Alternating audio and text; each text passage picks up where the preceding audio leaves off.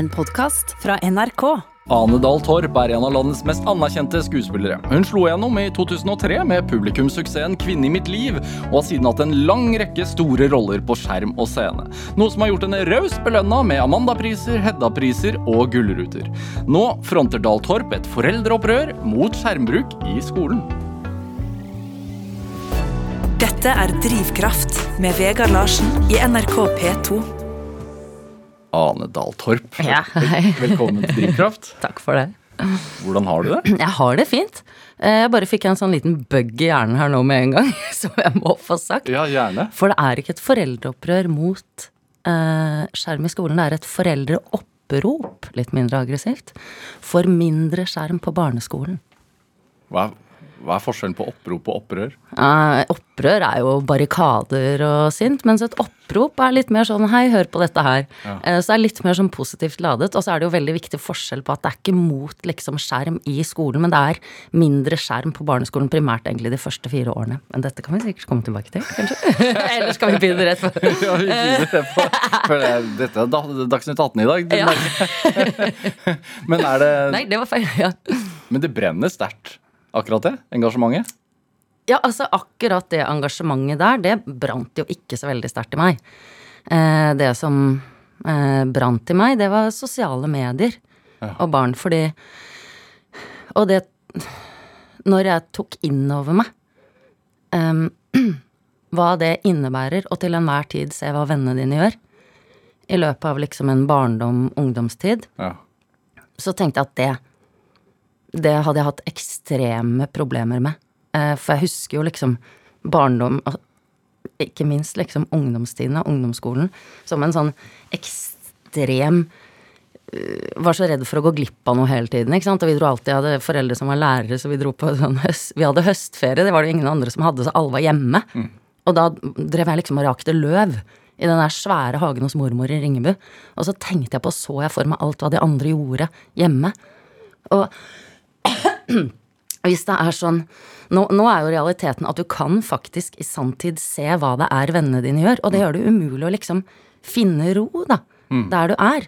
Og i tillegg så kommer dette med å lage en eh, digital persona, det å fremstille seg selv og iscenesette seg selv, og begynne å gjøre det allerede før du har liksom egentlig dannet deg en identitet, eller vet hvem du er eller skal bli, eller du prøver liksom å bli mm, en som folk kan like, og som du selv kan like, og som kan funke.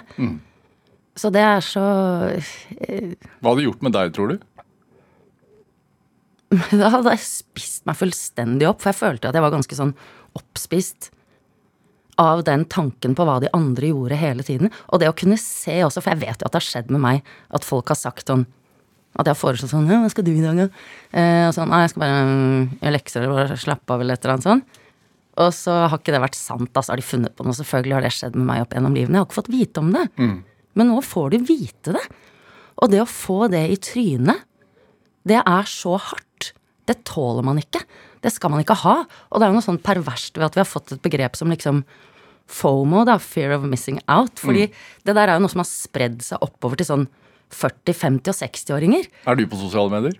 Nei, jeg er eh, Jeg er eh, ikke det. Eh, Og det har jeg aldri vært heller, så jeg har aldri mm, tatt noe sånn Nei, nå må jeg slutte. Og det er bare fordi at når Facebook kom, så tenkte jeg at dette her er det kuleste jeg har hørt om. Eh, dette er så gøy! Å kunne se hva andre spiser til frokost og så- Men så, så jeg for meg Eller jeg er jo mm, veldig nysgjerrig da på hva andre driver med. Eh, Så jeg så for meg at det ville bli et enormt tidssluk for meg.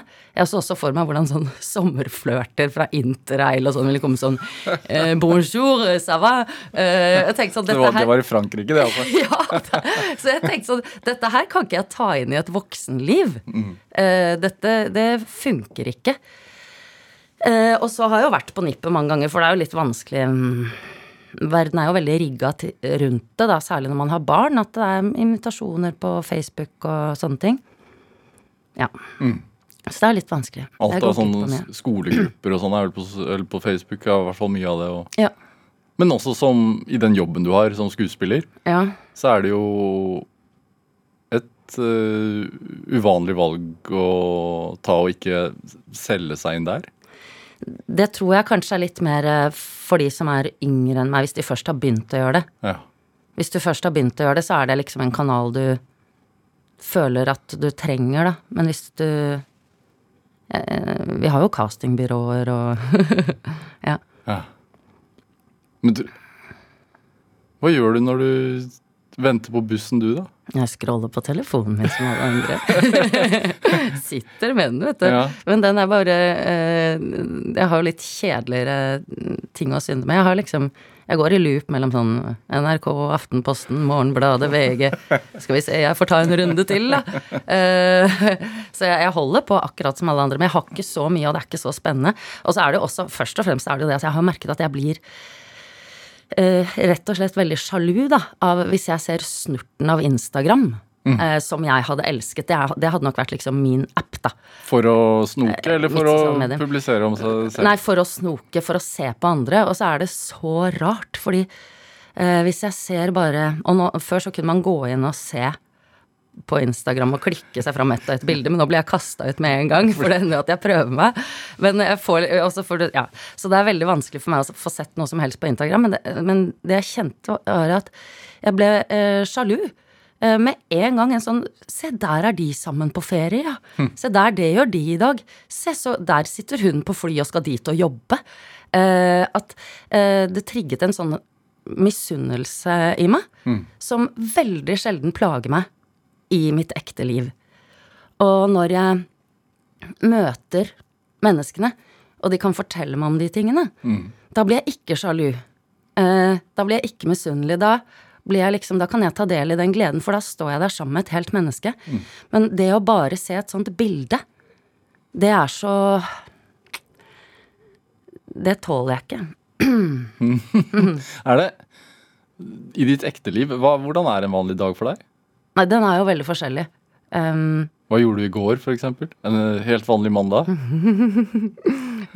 I går så eh, hadde jeg først uh, eh, Først så tok jeg faktisk en liten løpetur. Ja. Helt vanlig dag. Eh, og så Jeg må ta det at jeg snart er 50 på alvor. Jeg må begynne å Er det, dette nytt? Ja, Ja. eh, det er det. Jeg må begynne Hvor langt snakker vi? Eh, Under fire kilometer. Eh, men det var det jeg syns jeg Ja. Jeg syns det holder, liksom sånn. For, for det er bare, jeg tror jeg bare må begynne å være litt grann regelmessig, da. For det har jeg aldri vært i hele mitt liv. Og jeg er redd for å våkne opp en dag og plutselig ikke klare å løpe fem kilometer på øh, Ja.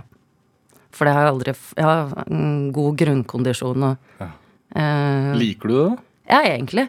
Men jeg syns det, det er kjedelig å løpe. Men jeg liker egentlig å trene. Men greia har jo vært at jeg syns ikke det har vært så viktig. Fordi jeg legger ikke på meg. Og jeg mm, har en Jeg er aldri syk. Jeg øh, har en grei grunnkondisjon. Jeg kan alltid løpe fem kilometer, men jeg hadde tenkt sånn Nå plutselig var du, så nå var du fryktelig irriterende, Anna. Ja, jeg vet det. Men det er sant. men plutselig Det kan ta slutt. Ja. Og for at ikke det skal ta slutt, så må jeg liksom kanskje begynne å få inn en mer sånn større grad av regelmessighet i det. En, men den løpeturen min var ikke noe, den var ikke irriterende. Den var grei. Den, den klarer eh, Den er overkommelig. Tenker du på det, at du nærmer deg 50? Ja, absolutt. Hvordan da? Nei, for eksempel på det med, med at jeg må begynne liksom å være litt regelmessig, da. Ja. Eh, og så merker jeg det jo veldig på øynene. Eh, at jeg ikke ser. At jeg Og så har Ja. Eh, så det tenker jeg på. Mm, og at jeg ikke har lyst til å bli liksom Ja. Sånn fysisk og psykisk eh, gammel før tiden, da. Nei, da passer det å melde seg inn i surpumpgruppa si. Ja, det gjør det. Dette er Drivkraft med Vegard Larsen i NRK P2. Og i dag er eh, skuespiller Andal Torp her hos meg i Drivkraft på NRK P2. Surpumpgruppa, hva er det? Jeg kan ikke si helt hva den er, men uh, det er noen surpumper der som uh, snakker sammen. Uh, som, som er litt For mindre skjerm i barneskolen var jo litt sånn Eller egentlig, det er ikke, det er ikke utgangspunktet. For problemet er jo hele liksom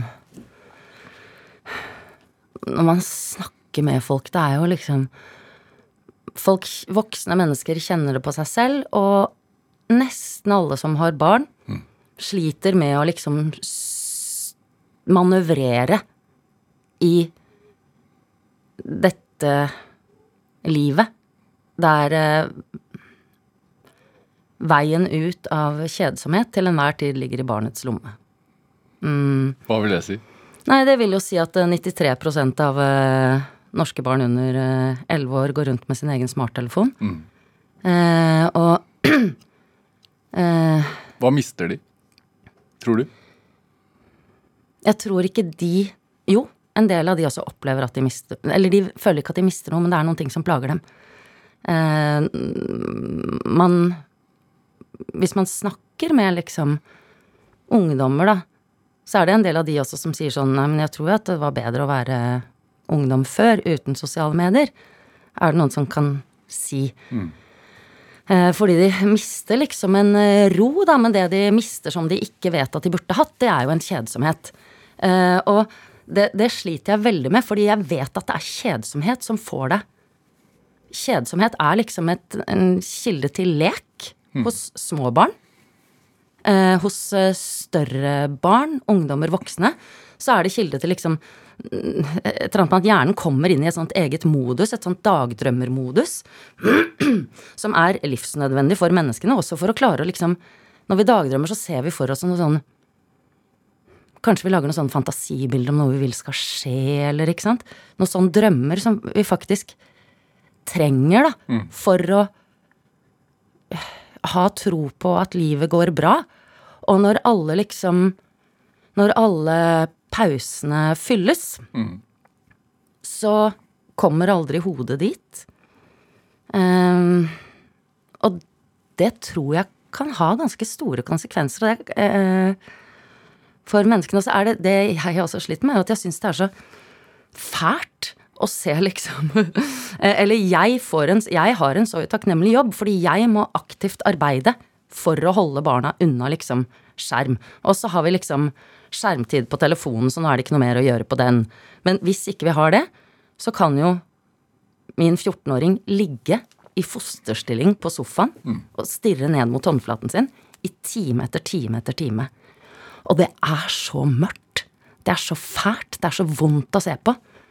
Eh, og han føler seg jo heller ikke noe bra etter det. ikke sant? Greit, så tar vi sånn har vi noen skjermtider på det, og så må den oppheves når de skal til noen venner, for da skal de sitte sånn sånn. er det. Eh, så må man holde på med det. Det er selvfølgelig en påkjenning for foreldre. Men greit, så har vi på den skjermtiden. Men da har vi jo allikevel liksom da er det jo Da har vi jo TV med internett på. Eh, og da har vi eh, serier, og det er YouTube Det er liksom Det er overalt. Så jeg føler at jeg sitter fast i internett, liksom. At det er sånn Jeg har sånn internettspinn foran trynet. Men internett er jo én ting, men hva med TV, da? Altså Ja. TV-serier, filmer. Ja, det er jo dit man går, og det, det, kan, det er jo Det er også et noe som fyller eh, livet og tiden, da. Um, jeg merker jo det selv også, kona mi og jeg, etter at vi eh, har vært på hver vår jobb og laget middag og endelig fått barna i seng. Ja, jeg er utslitt, man vil ha pause. Da vil man jo se på noe på TV. ja, pass på å se på noe bra, da. Jo, men har, har ikke du det sånn? Eh, jo, men jeg gjør det ikke så mye. men jeg eh, Tvinger deg selv til å ikke gjøre det?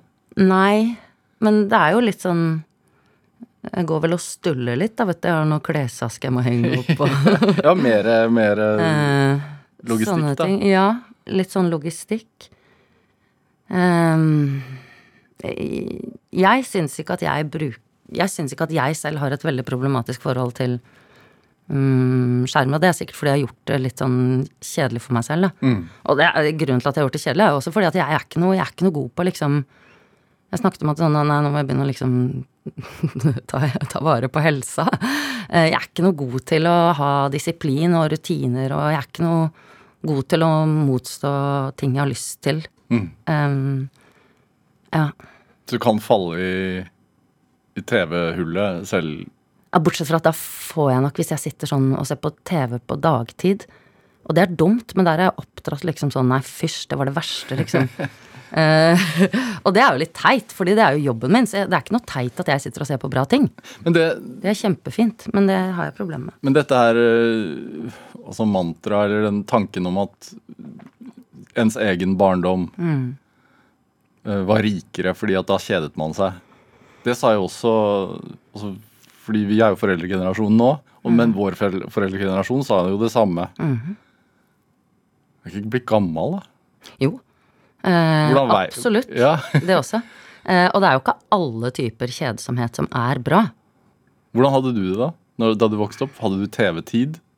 Ja, det var jo, det var jo slutt, liksom. TV-en tok jo slutt. Eh, Jeg kan huske at det var snø på TV når jeg skrudde på noen ganger.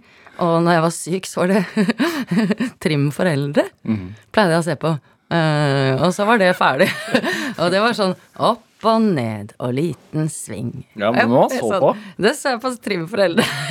Eh, eh, så det var jo liksom eh, Ja, det var, det var ikke den tilgangen, da. Det er det At man skal styre seg selv, er det klarer vi ikke. Mm. Ble du tvunget til å kjøre det?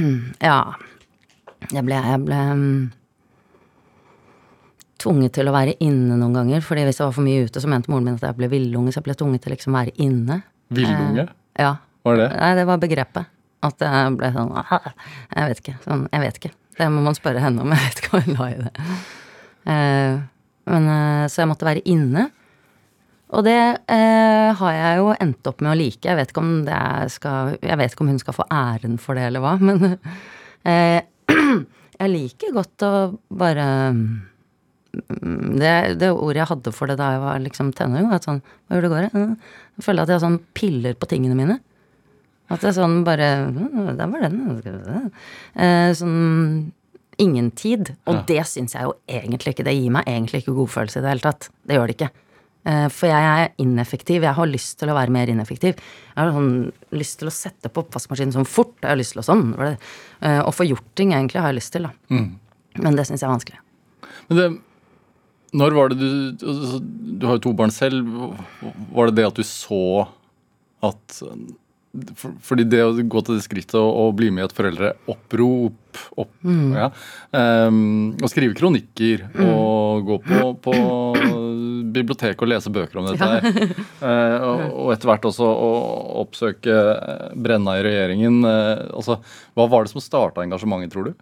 Helt først så tror jeg at jeg var uh, redd for at sønnen min skulle bli gamer. Er ikke det greit, da? Jo, det er jo det. Det sier jo alle at det er greit. Eh, og så hadde nok jeg også, sånn som han er skrudd sammen, hatt store problemer med det. Eh, han er eh, fysisk frisk og rask, og jeg mener han eh, egentlig bør ut i verden og bryne seg der, da. Mm. Og ikke sette seg inne. Men så om, Hvor gammel, når, hvor gammel var han da? jeg, had, jeg hadde en slags rant i klassen hans. Da tror jeg det gikk i fjerde klasse. Ja. Og det var en sånn svovelprediken, da. Eh, Som der jeg begynte med gaming og var innom Og så Og sosiale medier. Og smarttelefonen. Jeg tok på en måte alt, da. Mm. Hvordan ble det tatt Eh, imot da? er veldig sånn Det ble litt sånn stille og rart, egentlig. Og jeg måtte si, gå rundt og si til folk sånn Du, sønnen min får lov til å være med deg hjem selv om de gamer. Jeg driter i det når de er sammen. Jeg måtte liksom gå og si litt unnskyld. Men da skjønte jeg at dette her er snørr og bart i en gryte. Og det er jo litt problemet. Det er veldig vanskelig å skille liksom snørrene og bartene her. Men det er noen ting man kan hente ut. Og det er liksom det med sosiale medier. Det er faktisk på litt lengre sikt det med smarttelefoner og barn. Eh, Men det er vanskelig, for da kjemper du mot ekstremt sterke kommersielle krefter. Men man må begynne å kontrollere tech-selskapene. Sånn er det. Jeg er helt sikker på at man kommer til å se tilbake og si sånn Hva var det vi holdt på med eh, som ga barna det her? Og så um, um, Ja. De tingene kan man liksom gjøre noe med. Ja, det er vel eh, Jeg har ikke hørt disse sitatene selv, men, men det blir vel sagt at eh, disse som har funnet opp disse eh, smarttelefonene, ikke lar sine egne barn ha det. Ja, og det stemmer jo, ikke sant? Eh, og det burde jo være en skikkelig vekker for eh, politikere, foreldre, for alle. Det burde være en vekker for samfunnet, men det er det ikke.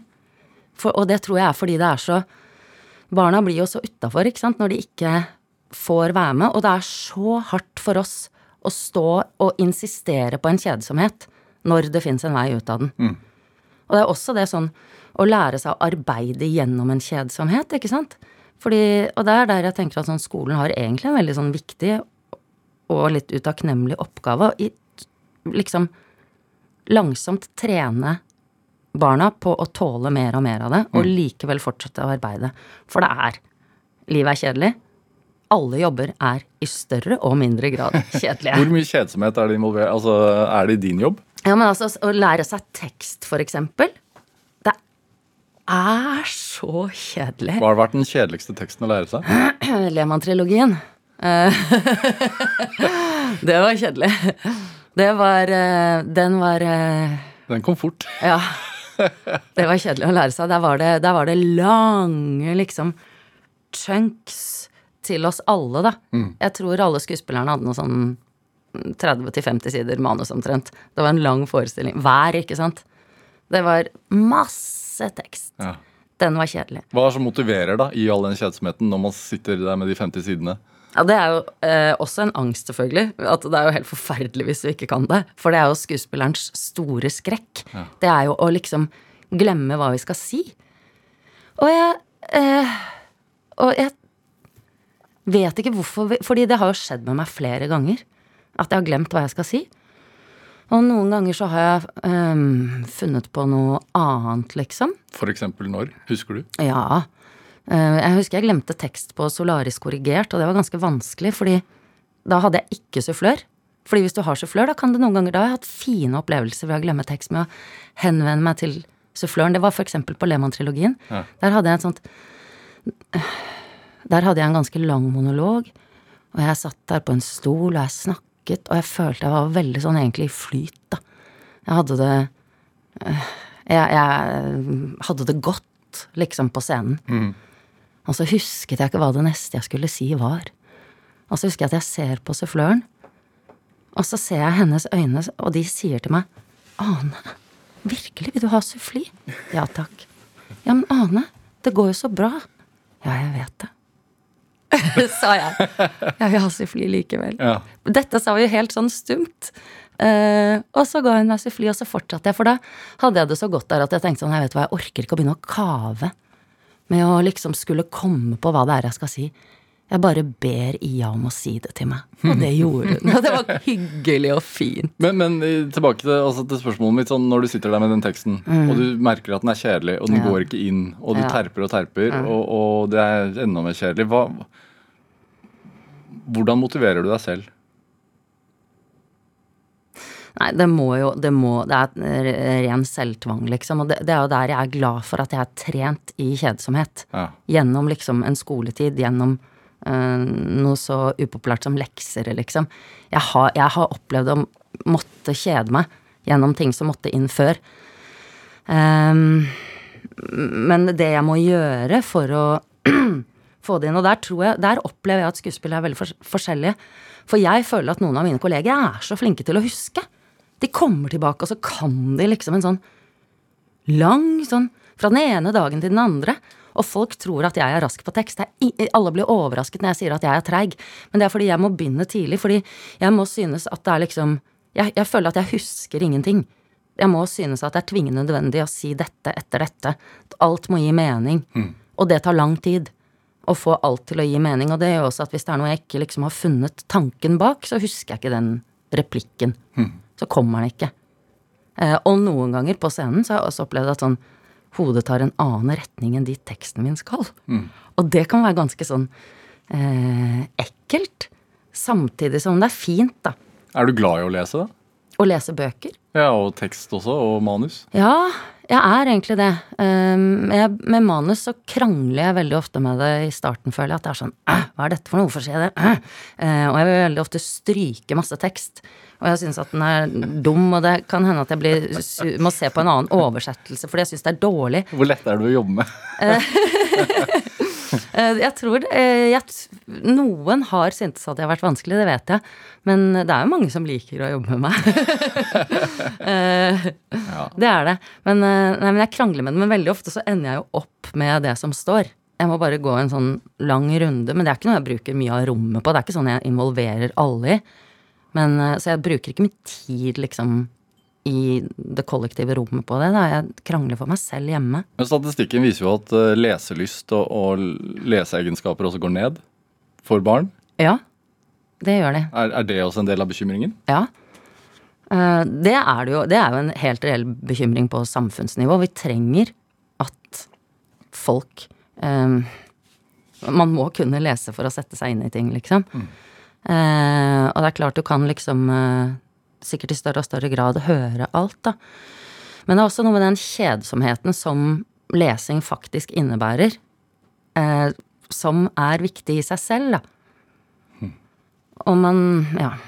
Du, du, altså, du har vokst opp i et hjem med, med en lektormor og en, en, en far som er lingvist, professor. Hvor mye mm, terping på språk og leselyst var det hos dere da? Nei, det var ikke sånn det, Jeg husker at moren min serverte meg bøker, liksom, og kom med forslag. Men eh, det var ikke noe sånn De brukte ikke mye krefter på det. Men det var jo lettere før når det ikke var noe å se på på TV-en. Så de hadde det mye lettere enn jeg har det. Ja. Vi har det veldig mye vanskeligere, vi som er foreldre nå, Ja. enn mine foreldre hadde. Hvor mange dingser har dere hjemme hos deg? Mange. Mange.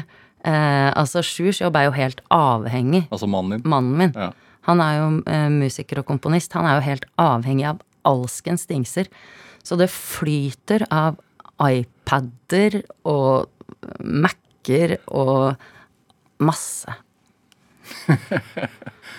ja. Er det, er det en sånn fremtidsdystopi involvert her? Eh, jeg har det kanskje med å se litt sånn mørkt på ting, da, men det var eh, Sj- Sjur sa vakkert i bryllupsdalen at jeg jeg var eh, pessimistisk inntil det apokalyptiske, men kombinert med et veldig lyst sinn. Eh, og det er vel også litt fordi jeg kanskje liker litt å se litt mørkt på det. Eh, og det kan jo være litt uh, irriterende, men det er noe med det som er irriterende som jeg syns er litt gøy. At jeg liksom får litt sånn Hæ, hvorfor er det sånn, da? Skal, eh, det er teit, det er dumt, det er feil, det rimer ikke. Eh, at det er eh, Jeg opplever liksom at irritasjon er jo ikke så veldig hyggelig å være rundt irriterte mennesker, da. Men det kan være litt gøy. Eh, og så at det er litt sånn Jeg opplever faktisk at irritasjon er en, eh, en drivkraft for å spoile noe, da. Ja. Til visse ting. At det er en liksom motor i det. Hvordan gjøre irritasjon til noe konstruktivt? da? For eksempel da skrive en kronikk. Uh, og uh, for eksempel når, når jeg har uh, nærmest blitt tvunget, vil jeg si, til å sette meg inn i dette med eh, skjerm i småskolen. Og jeg tenker sånn Dette er ikke noe lurt. Eh, kan de ikke bare dele? Må de ha hver sin? Kan de ikke vente før de får hver sin? Eh, hva vinner vi på å gi alle hver sin eh, hver sitt læringsbrett, da, eh, som man kaller det i skolen, når de er fem-seks år gamle. Hva godt fører det med seg? Hvilke problemer har vi? Hva veier tyngst? Um, selvfølgelig liksom spesielle behov, spesielle tilrettelegginger, men ja. Jeg har, jeg har jo småbarn, mm. tre og fem. Der er jo ikke presset eh, kommet ennå. Eh, handler kanskje om å få det riktige Pokémon-kortet, men, men også hvordan, vil, hvordan opplever man presset når man har tenåringer?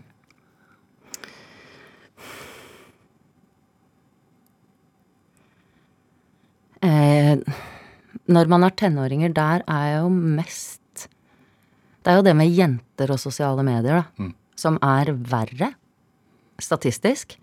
Og jeg forstår hvorfor. Fordi jeg har vært jente selv. Enn eh, for gutter. Så der eh, sitter jo jeg og venter, da. På den situasjonen. Det har ikke, vi har ikke kommet dit ennå, for hun har ikke, ikke fått smarttelefon. Og selvfølgelig ikke noen sosiale medier foreløpig. Hvorfor er det tøffere for jenter, tror du? Det hvordan- er den måten vi måten vi er eh, opptatt av de andre på, og oss selv i forhold til de andre. Det er ikke det at gutter ikke er opptatt av det, men også måten jenter sammenligner seg selv med andre på. Eh, utseende, kropp, eh, hva de gjør. Eh, følelsen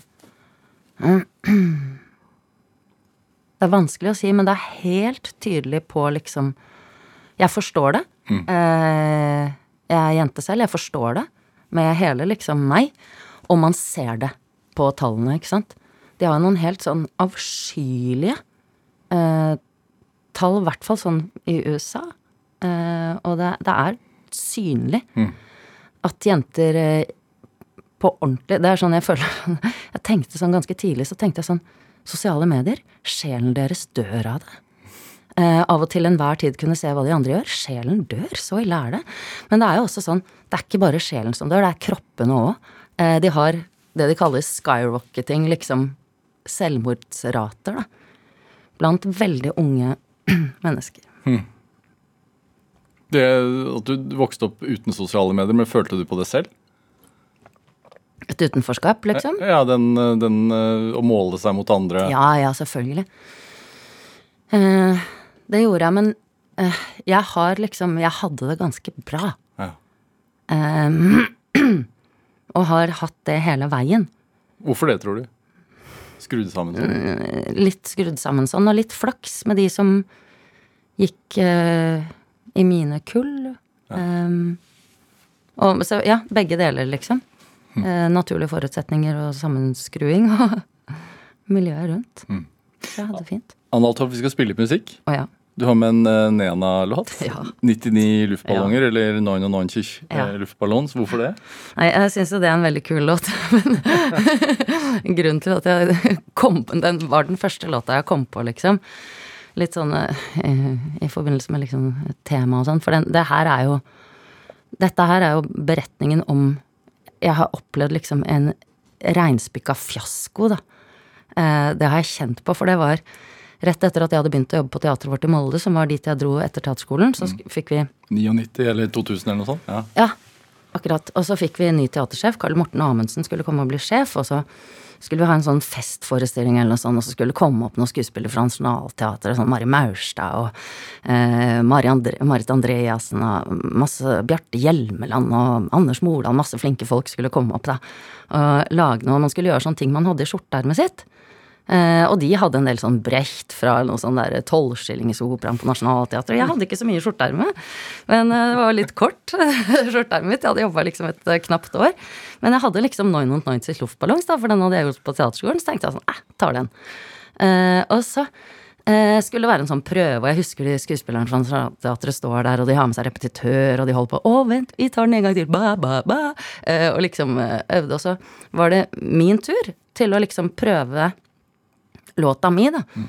Jeg hadde noen sånn eh, singback-komp med meg sånn, som jeg hadde fått laget når jeg gjorde den på teaterskolen. Så idet liksom de setter på er min tur, så slipper de inn publikum. Så jeg fikk ikke prøvd. uh, og det syntes jeg var så fæl følelse. Og så tenkte jeg sånn ja, ja, nei, nå får jeg bare liksom Får jeg bare gi jernet. Og så blir det min tur, og så går jeg ut, og så den der mikrofonen jeg har Jeg hadde hatt en trådløs mikrofon, men der hadde jeg en sånn Jeg husker det som at det var en hageslange, den ledningen liksom var så tjukk. Eh, og jeg setter i gang, og jeg synger med det nebbet jeg har. Og jeg ser ut på publikum, og så er ansiktene deres Jeg føler at de sier sånn Hvorfor utsetter hun seg selv og oss for dette? Eh, så det var så, jeg, det var så feilslått. Det var så utafor alt det andre. Jeg husker at jeg til slutt så tok jeg bare I desperasjon så går jeg ut i spagat for å vise at jeg er i hvert fall myk. Om ikke noe som helst annet. Og etterpå så tenkte jeg sånn Nå har jeg opplevd en fiasko. Verre enn dette her kan det ikke bli. Men jeg tenkte det også. Da overlever jeg alt. Ja. Og Er det derfor det er også godt å høre den? Altså For å minne deg selv på det? At det er ikke så farlig? Ja, altså jeg kjente faktisk virkelig det da, for jeg følte det som et sånn Helt bånd, liksom.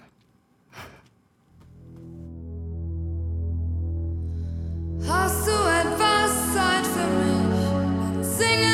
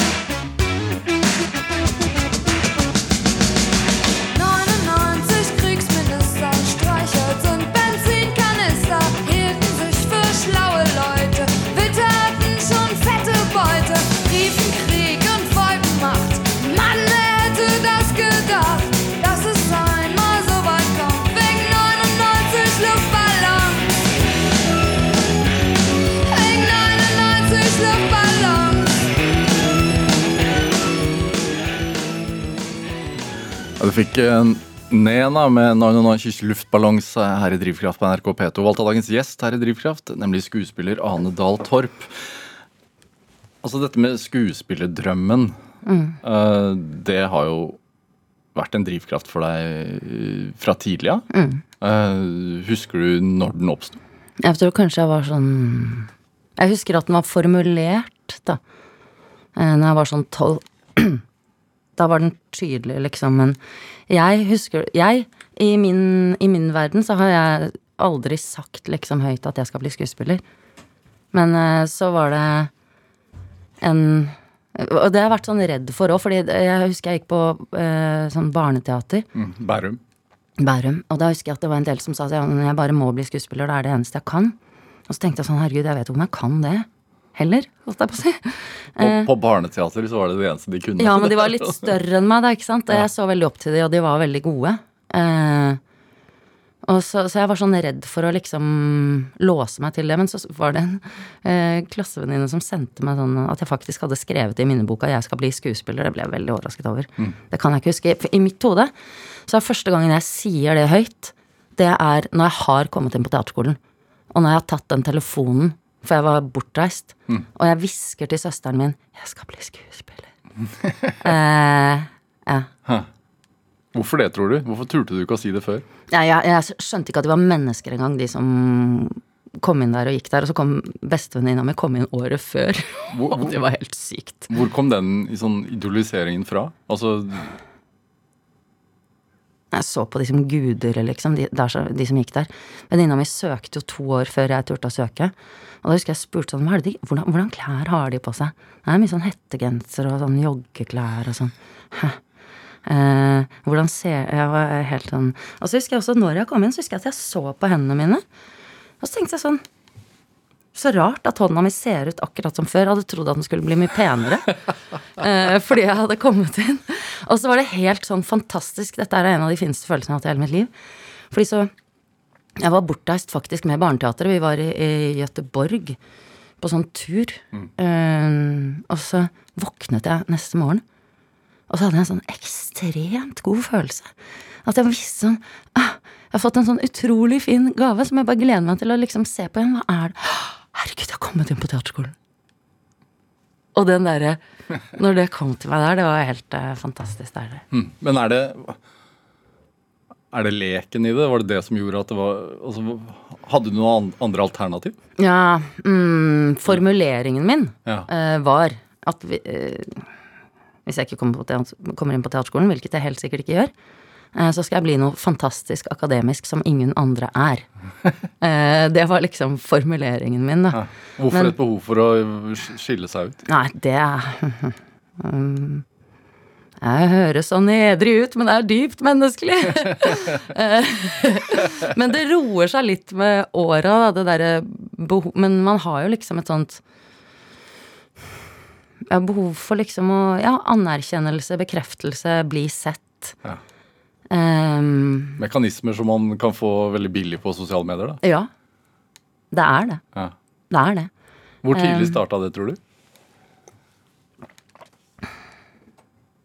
Nei, det er sikkert Men jeg, jeg var ikke noe sånn veldig Jeg var ikke et ekstremt eh, oppmerksomhetssøkende barn. Altså jeg har virkelig bilde jeg har av meg selv i oppveksten, og som egentlig som jeg får inntrykk av fra familie òg, er at jeg var ganske sånn vanlig.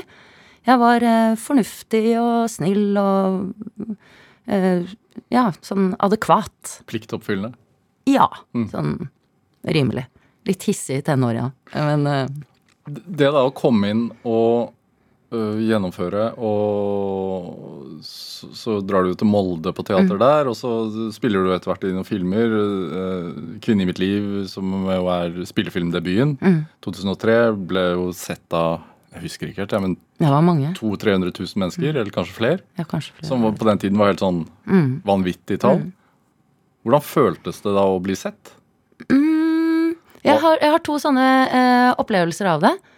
Eh, det ene var at jeg gikk, jeg gikk hjemmefra, jeg bodde i gamlebyen, og så gikk jeg forbi en sånn kiosk, og så sto det en sånn eh, gjeng med noe sånn det, det her var på én tur. Jeg gikk liksom ned hjemmefra og så inn mot byen via Grønland. Og så sto det en sånn eh, ungdomsgjeng der med noen sånne gutter som var litt yngre enn meg. Og så sa de sånn Andal Torp. Og så ble jeg sånn, herregud, de kan det der dumme, rare navnet mitt. Den der hybriden av liksom min mor og min fars etternavn. Så utrolig rart. Og så kom jeg videre til Grønland, og så er det Har jeg et sånt uh, bilde av en sånn uh, dame som De står utenfor en sånn grønnsaksbutikk, eh, sikkert et par. Hun kaster et salathode til mannen sin. Mens hun snur på hodet og sier 'Anedal Torp'. Eh, og det var det var så rart at folk visste hva jeg het. Eh, og jeg tror da at jeg litt sånn senka blikket. Fordi jeg opplevde litt at det, det hendte ofte når jeg så på folk, at de så tilbake. Eh, og det syns jeg var litt grann sånn kleint, fordi jeg kunne ikke vite om de så på meg fordi jeg, de syntes at jeg var veldig søt og pen, eller om det var fordi de kjente meg igjen. Så jeg liksom senka blikket litt, og da eh, merket jeg det ikke så mye. Ja. Hvor, fort bygger man den? Jeg syns det gikk veldig fort, og veldig naturlig. Ja. Ja. Hva mister man da? Ikke stort i Norge. mister noen sånn Du mister litt sånn overblikk sånn Så du den barten, eller? Det mister man. Jeg går glipp av noen sånne rare barter og noe sånn eh, Men, eh, men det, går man, det går man faktisk litt glipp av. At det er en del ting jeg ikke får med deg, fordi jeg kan gå med blikket litt ned. Men det som også er veldig viktig, er jo at sånn eh, fame, liksom, da, går, dabber veldig fort av. Det er sånn brennhett akkurat når det liksom er på TV, eller når det er sånn og sånn. Ja. Og så forsvinner den derre piken. Eh, Det der at det liksom er sånn merkbart, så er det mer sånn at folk vet hvem man er, og det kan jo oppleves liksom komfortabelt og hyggelig. Ja, men din peak har jo øh, vært jevnt og trutt. Ja, sånn opp og ned. Men jeg vet nå at det går over ganske fort, det som at man føler seg sånn eh, At det er sånn hett, da. Det går over. Men er det derfor også at du øh, er så engasjert i, i, i f.eks. eksponeringskulturen, eller Ja. som, som vi er i nå, da? Fordi at du Men det tror jeg har vært faktisk at det er. voldsomt, øh, Ja. ja. Men også fordi jeg har kjent veldig på det der at det som liksom har forårsaket at folk kaster salathoder og sier navnet mitt, det er eh, noe som er jobben min, og som ligger litt sånn utenfor meg selv. Det er ikke fordi jeg eh, er så spesiell, eller fordi jeg er noe sånn, men det er liksom koblet til et virke. Eh, at jeg eh, gjør noe. Og eh, også kan noe, da, ikke sant? Eller får til noe. Eh, Så det er ikke koblet til liksom eh, meg som privatperson, og det er en stor forskjell. Og det er Så jeg tror absolutt det, altså at jeg, jeg har kjent litt på hva det er å bli sett for noe. Og på hvilke, hvilket grunnlag det er sunt å bli sett. Snakker du om øh, barna dine om det? Litt. Eh, hvis de mm, vil høre på det, holdt jeg på å si, så vil jeg jo gjerne det. Ja, fordi du vet jo virkelig godt hvordan det er, og at liksom alle i, i skolegården vet hvem du er. Ja. Og jeg vet at for barn eh, så er det eh, kjemperart, liksom. Og kan jo fordi, og det har så skjedd noe sånn rart i kulturen, ikke sant. Fordi at det, som jeg syns er litt negativt. Eh, også det. Eh, fordi at det, når jeg vokste opp, så var det sånn sånn, Man hadde en sånn fordom mot alle kjendiser er teite. Eh, og det er ganske sunt. Det er ganske bra. Å liksom se ned på kjendiser bare per definisjon. Ok, hvis mange vet hvem du er, så er du dust. Eh, for det er en, litt en sånn vaksine mot å ville, og i hvert fall å si høyt, da, at du vil bli kjendis. For det er helt menneskelig å ha lyst til å bli kjendis. Men jeg mener, at det er, jeg mener ikke at det er noe godt å være rundt mennesker som sier høyt 'jeg har lyst til å bli kjendis'. Jeg syns det er bedre hvis de holder det for seg selv og skammer seg litt over det. Og så må de gjerne ha lyst til det allikevel, men at det er noe litt sånn skamfullt da, koblet til det ønsket om å bli kjent, det syns jeg er bra. Hvorfor det? Fordi det blir litt sånn hardt, uh, syns jeg. Hvis, eh, og idet man snakker om det, så er det noe man kan sånn begynne å arbeide aktivt for å bli kjendis. For hva? Eh, for å ha gjort hva? For på hvilket liksom grunnlag? Hadde du noe ønske om det? da? Ja, det hadde jeg nok. Eh, et sånt ønske om liksom Men jeg, jeg husker at jeg hadde veldig Ja, anerkjennelse, liksom, ikke sant? Sånn mm, ja, mm. Eh, hadde jeg lyst på, men det har jo Det er jo så mm, menneskelig, på en måte. Og at jeg Ja. Med tre Amanda-priser og masse gullruter og Hedda-prisen og Når du har oppnådd den anerkjennelsen, da, som, som du drømte om. Mm. Hva, hva gjør det med drivkraften i forhold til yrket? Mm, ingenting. Um, Hva ligger det i nå, da? drivkraften? Mm. Er vi på det store spørsmålet nå? Nei, vi er ikke der ennå, men, men i, for, i forhold til det, det å, å, Ja. å jobbe som skuespiller altså du Ja. har, Hvis jeg ser på CV-en din, så, så har du jo gjort alt.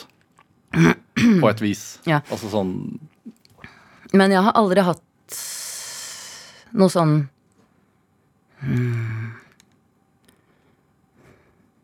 Nei, det er så mange ting jeg liker med den jobben. Eh, Jeg syns det er veldig eh, Jeg syns det er veldig Det er, jeg, jeg, det er en del ting jeg ikke liker, og jeg syns det er drittkjedelig å lære meg tekst. Jeg liker ikke å gå på jobb om kvelden. Sånn som man skal gjøre når man skal spille teater. Når alt det koselige egentlig skal begynne. Når du skal være sånn fornøyd med deg selv og slå deg ned. Så er det sånn Nei, da var du ute i novemberslaps, ja. Sånn, ja, ha en god kveld. Eh, det liker jeg ikke. Men jeg liker det når jeg liksom har kommet Når jeg har kommet til sminken, når jeg kommer ned på teateret igjen. Bortsett fra eh, de gangene jeg er veldig nervøs, og det hender rett som det er, og det er kjempeekkelt. Um, å være redd, liksom.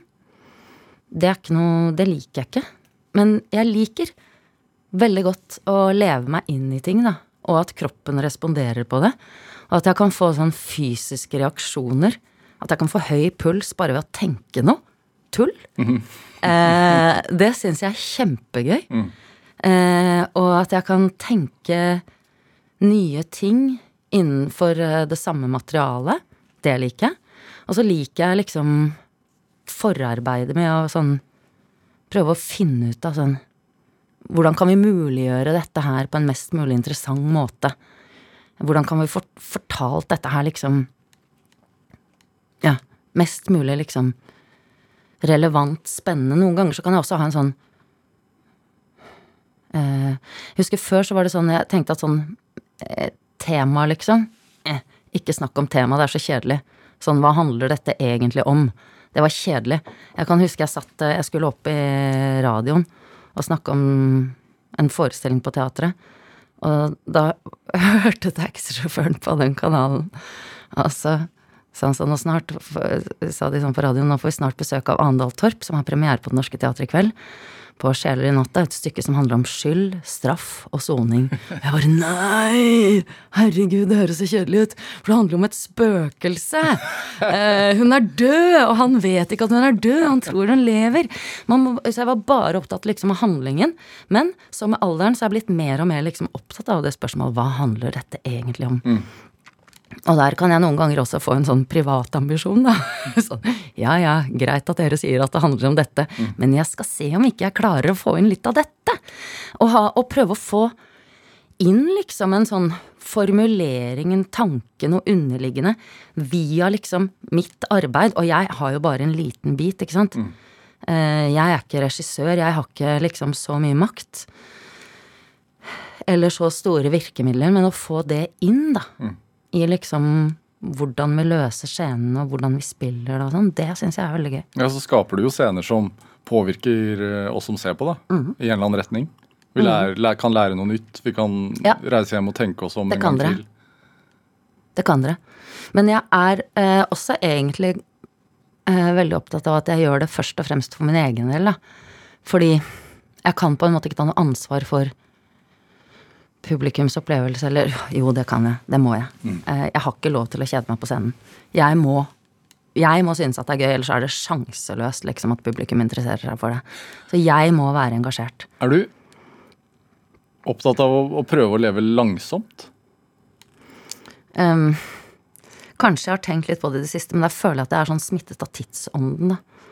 At det er sånn har vært så mye snakk om det. Så at jeg, eh, det er noe med det som jeg litt ha, blir irritert av òg, da. Fordi jeg, Men, altså, du bor i tre, trehusbebyggelse på Vålerenga, sykler rundt uh, istedenfor å kjøre. Sitter og hekler, vet jeg du Ja. driver med. Ja. Men det, det er jo litt kanskje mm, Sånn det med heklinga er jo sånn Jeg har alltid gledet meg litt til å bli pensjonist, da. Ja. Å sitte sånn og rugge på en stubbe eh, med håndarbeid. Men Og um, Men jeg vet ikke om jeg sånn Tror du på det, egentlig? å rugge på en stubbe eller å leve Nei. langsomt. Å bli pensjonist i det hele tatt for deg? Ja, det tror jeg på. Uh, og det tror jeg er helt sånn En helt vill ting. Det er så Det er en så stor omveltning i de fleste menneskers liv, da. Som man virkelig må markere på en eller annen måte. Det er så For noen er det jo veldig godt. Og for veldig mange så er det jo begge deler, ikke sant? Det å fra den ene dagen til den andre få sånn et hav av tid. Og der kommer det ikke til å være like liksom hardt for meg, da, fordi jeg har eh, Livet mitt er mer sånn forskjellig. Jeg har ikke liksom fast eh, det, det er ikke hver dag den samme tiden på jobb. Det flyter mer, så det blir ikke like hardt. Og jeg tror jo også så sant jeg bare liksom klarer fortsatt å huske tekst og ikke har begynt å surre, så tror jeg at jeg eh, kommer til å liksom få noen sånn derre Nå trenger vi en gammel dame her. Oh, kan jeg komme og prøve på den? Eh, så tror jeg liksom på det. Og hvis jeg ikke husker, hvis jeg bare kan lese da, og holde meg fast i en bok, så kan jeg kanskje lese noe dikt på en linje, ikke sant? Litt sånne ting så, eh, innimellom der. Du er, trenger ikke å tenke på dette ennå, Moltorp. Det er lenge til. jeg veit du skal opp til Finland nå eller noe sånt og spille Ja. i Koka Bjørn Ja. sammen med Pernilla August, blant annet. Ja. Er det Hvor stort er det for deg? Jeg syns det er skikkelig stort å stå på samme rolleliste som Pernilla August. Jeg fikk frysninger når jeg så at hun skulle være med i det samme prosjektet. Det er skikkelig stort. Er hun på sosiale medier? Det vet jeg ikke. Jeg har bare så vidt møtt henne én gang. Vi satt i sminkevognene sammen. Jeg har ikke begynt å filme henne, men jeg var bare på sånn prøve. Hvor viktig er det å fremdeles ha idoler? Jeg vet ikke om det er så viktig å ha sånne der konkrete idoler sånn, men det Nei, det vet jeg ikke. Det har jeg ikke noe tanke om. Men hva er det hun har gjort eller gjør som gjør at du syns det er stort? da? Hun har en helt sånn spesiell kvalitet som skuespiller. Hun er så hypermenneskelig i alt hun gjør. Så at det er nesten sånn eh, Jeg har sett henne spille veldig dramatiske scener. Og det er jo ikke noe liksom komisk ved det hun gjør. Og, men jeg, det er akkurat som det liksom trigger sånn en latter i meg samtidig som. Eh, fordi det er så dypt menneskelig, det som kommer ut av henne. Og da er det nok noe med den derre ja, sånn er vi. Sånn er det å være menneske, Pernille August. Akkurat sånn som du viser meg nå. Sånn som du gjør det. Sånn er vi. Er vel noen av de samme kvalitetene du bringer til verks? er det det? Eller til bords? Nei, men det er jo min drøm, da. Det vil jeg jo veldig gjerne. Og jeg er veldig glad i liksom å se etter det som er feil, og det som er stygt, og det som er sånn øh, det, sånn Ja. Det liker jeg. Anhald Torp, hva er drivkraften, da? Ja, hva er drivkraften? Det har jeg jo tenkt mye på i det siste. Eh, Man kan jo ikke si at det er eh, eh, gøy. Men det er nok et eller annet, liksom, med eh, en nysgjerrighet å få liksom eh, Prøve å finne ut av noe. Og komme med noe bud på det å være menneske, kanskje, da. Anne Torp, tusen takk for at du kom til Drivkraft. Tusen takk for meg. Hør flere samtaler i Drivkraft på nrk.no eller i appen NRK Radio. Send oss gjerne ris eller ros, og også tips til mennesker som du mener har drivkraft. Send den e-posten til drivkraft.krøllalfa.nrk.no. Vi hører veldig gjerne fra deg. Produsent i dag det var Kjartan Aarsand, mens Anne Hoff gjorde research til denne sendingen. Dette var Drivkraft. Jeg heter Vegard Larsen. Vi høres. En guttegjeng bryter seg inn i et avstengt bomberom for å arrangere en illegal fest midt under pandemien. Jeg husker selv at jeg løp inn der, og var eh, supergira. Men flere hundre personer er i livsfare inne i grotta. Strømaggregatene produserer dødelig kullosgass. Du har blitt dratt ut fra det lokalet du var på fest. Så du har sånn kullosforgiftning.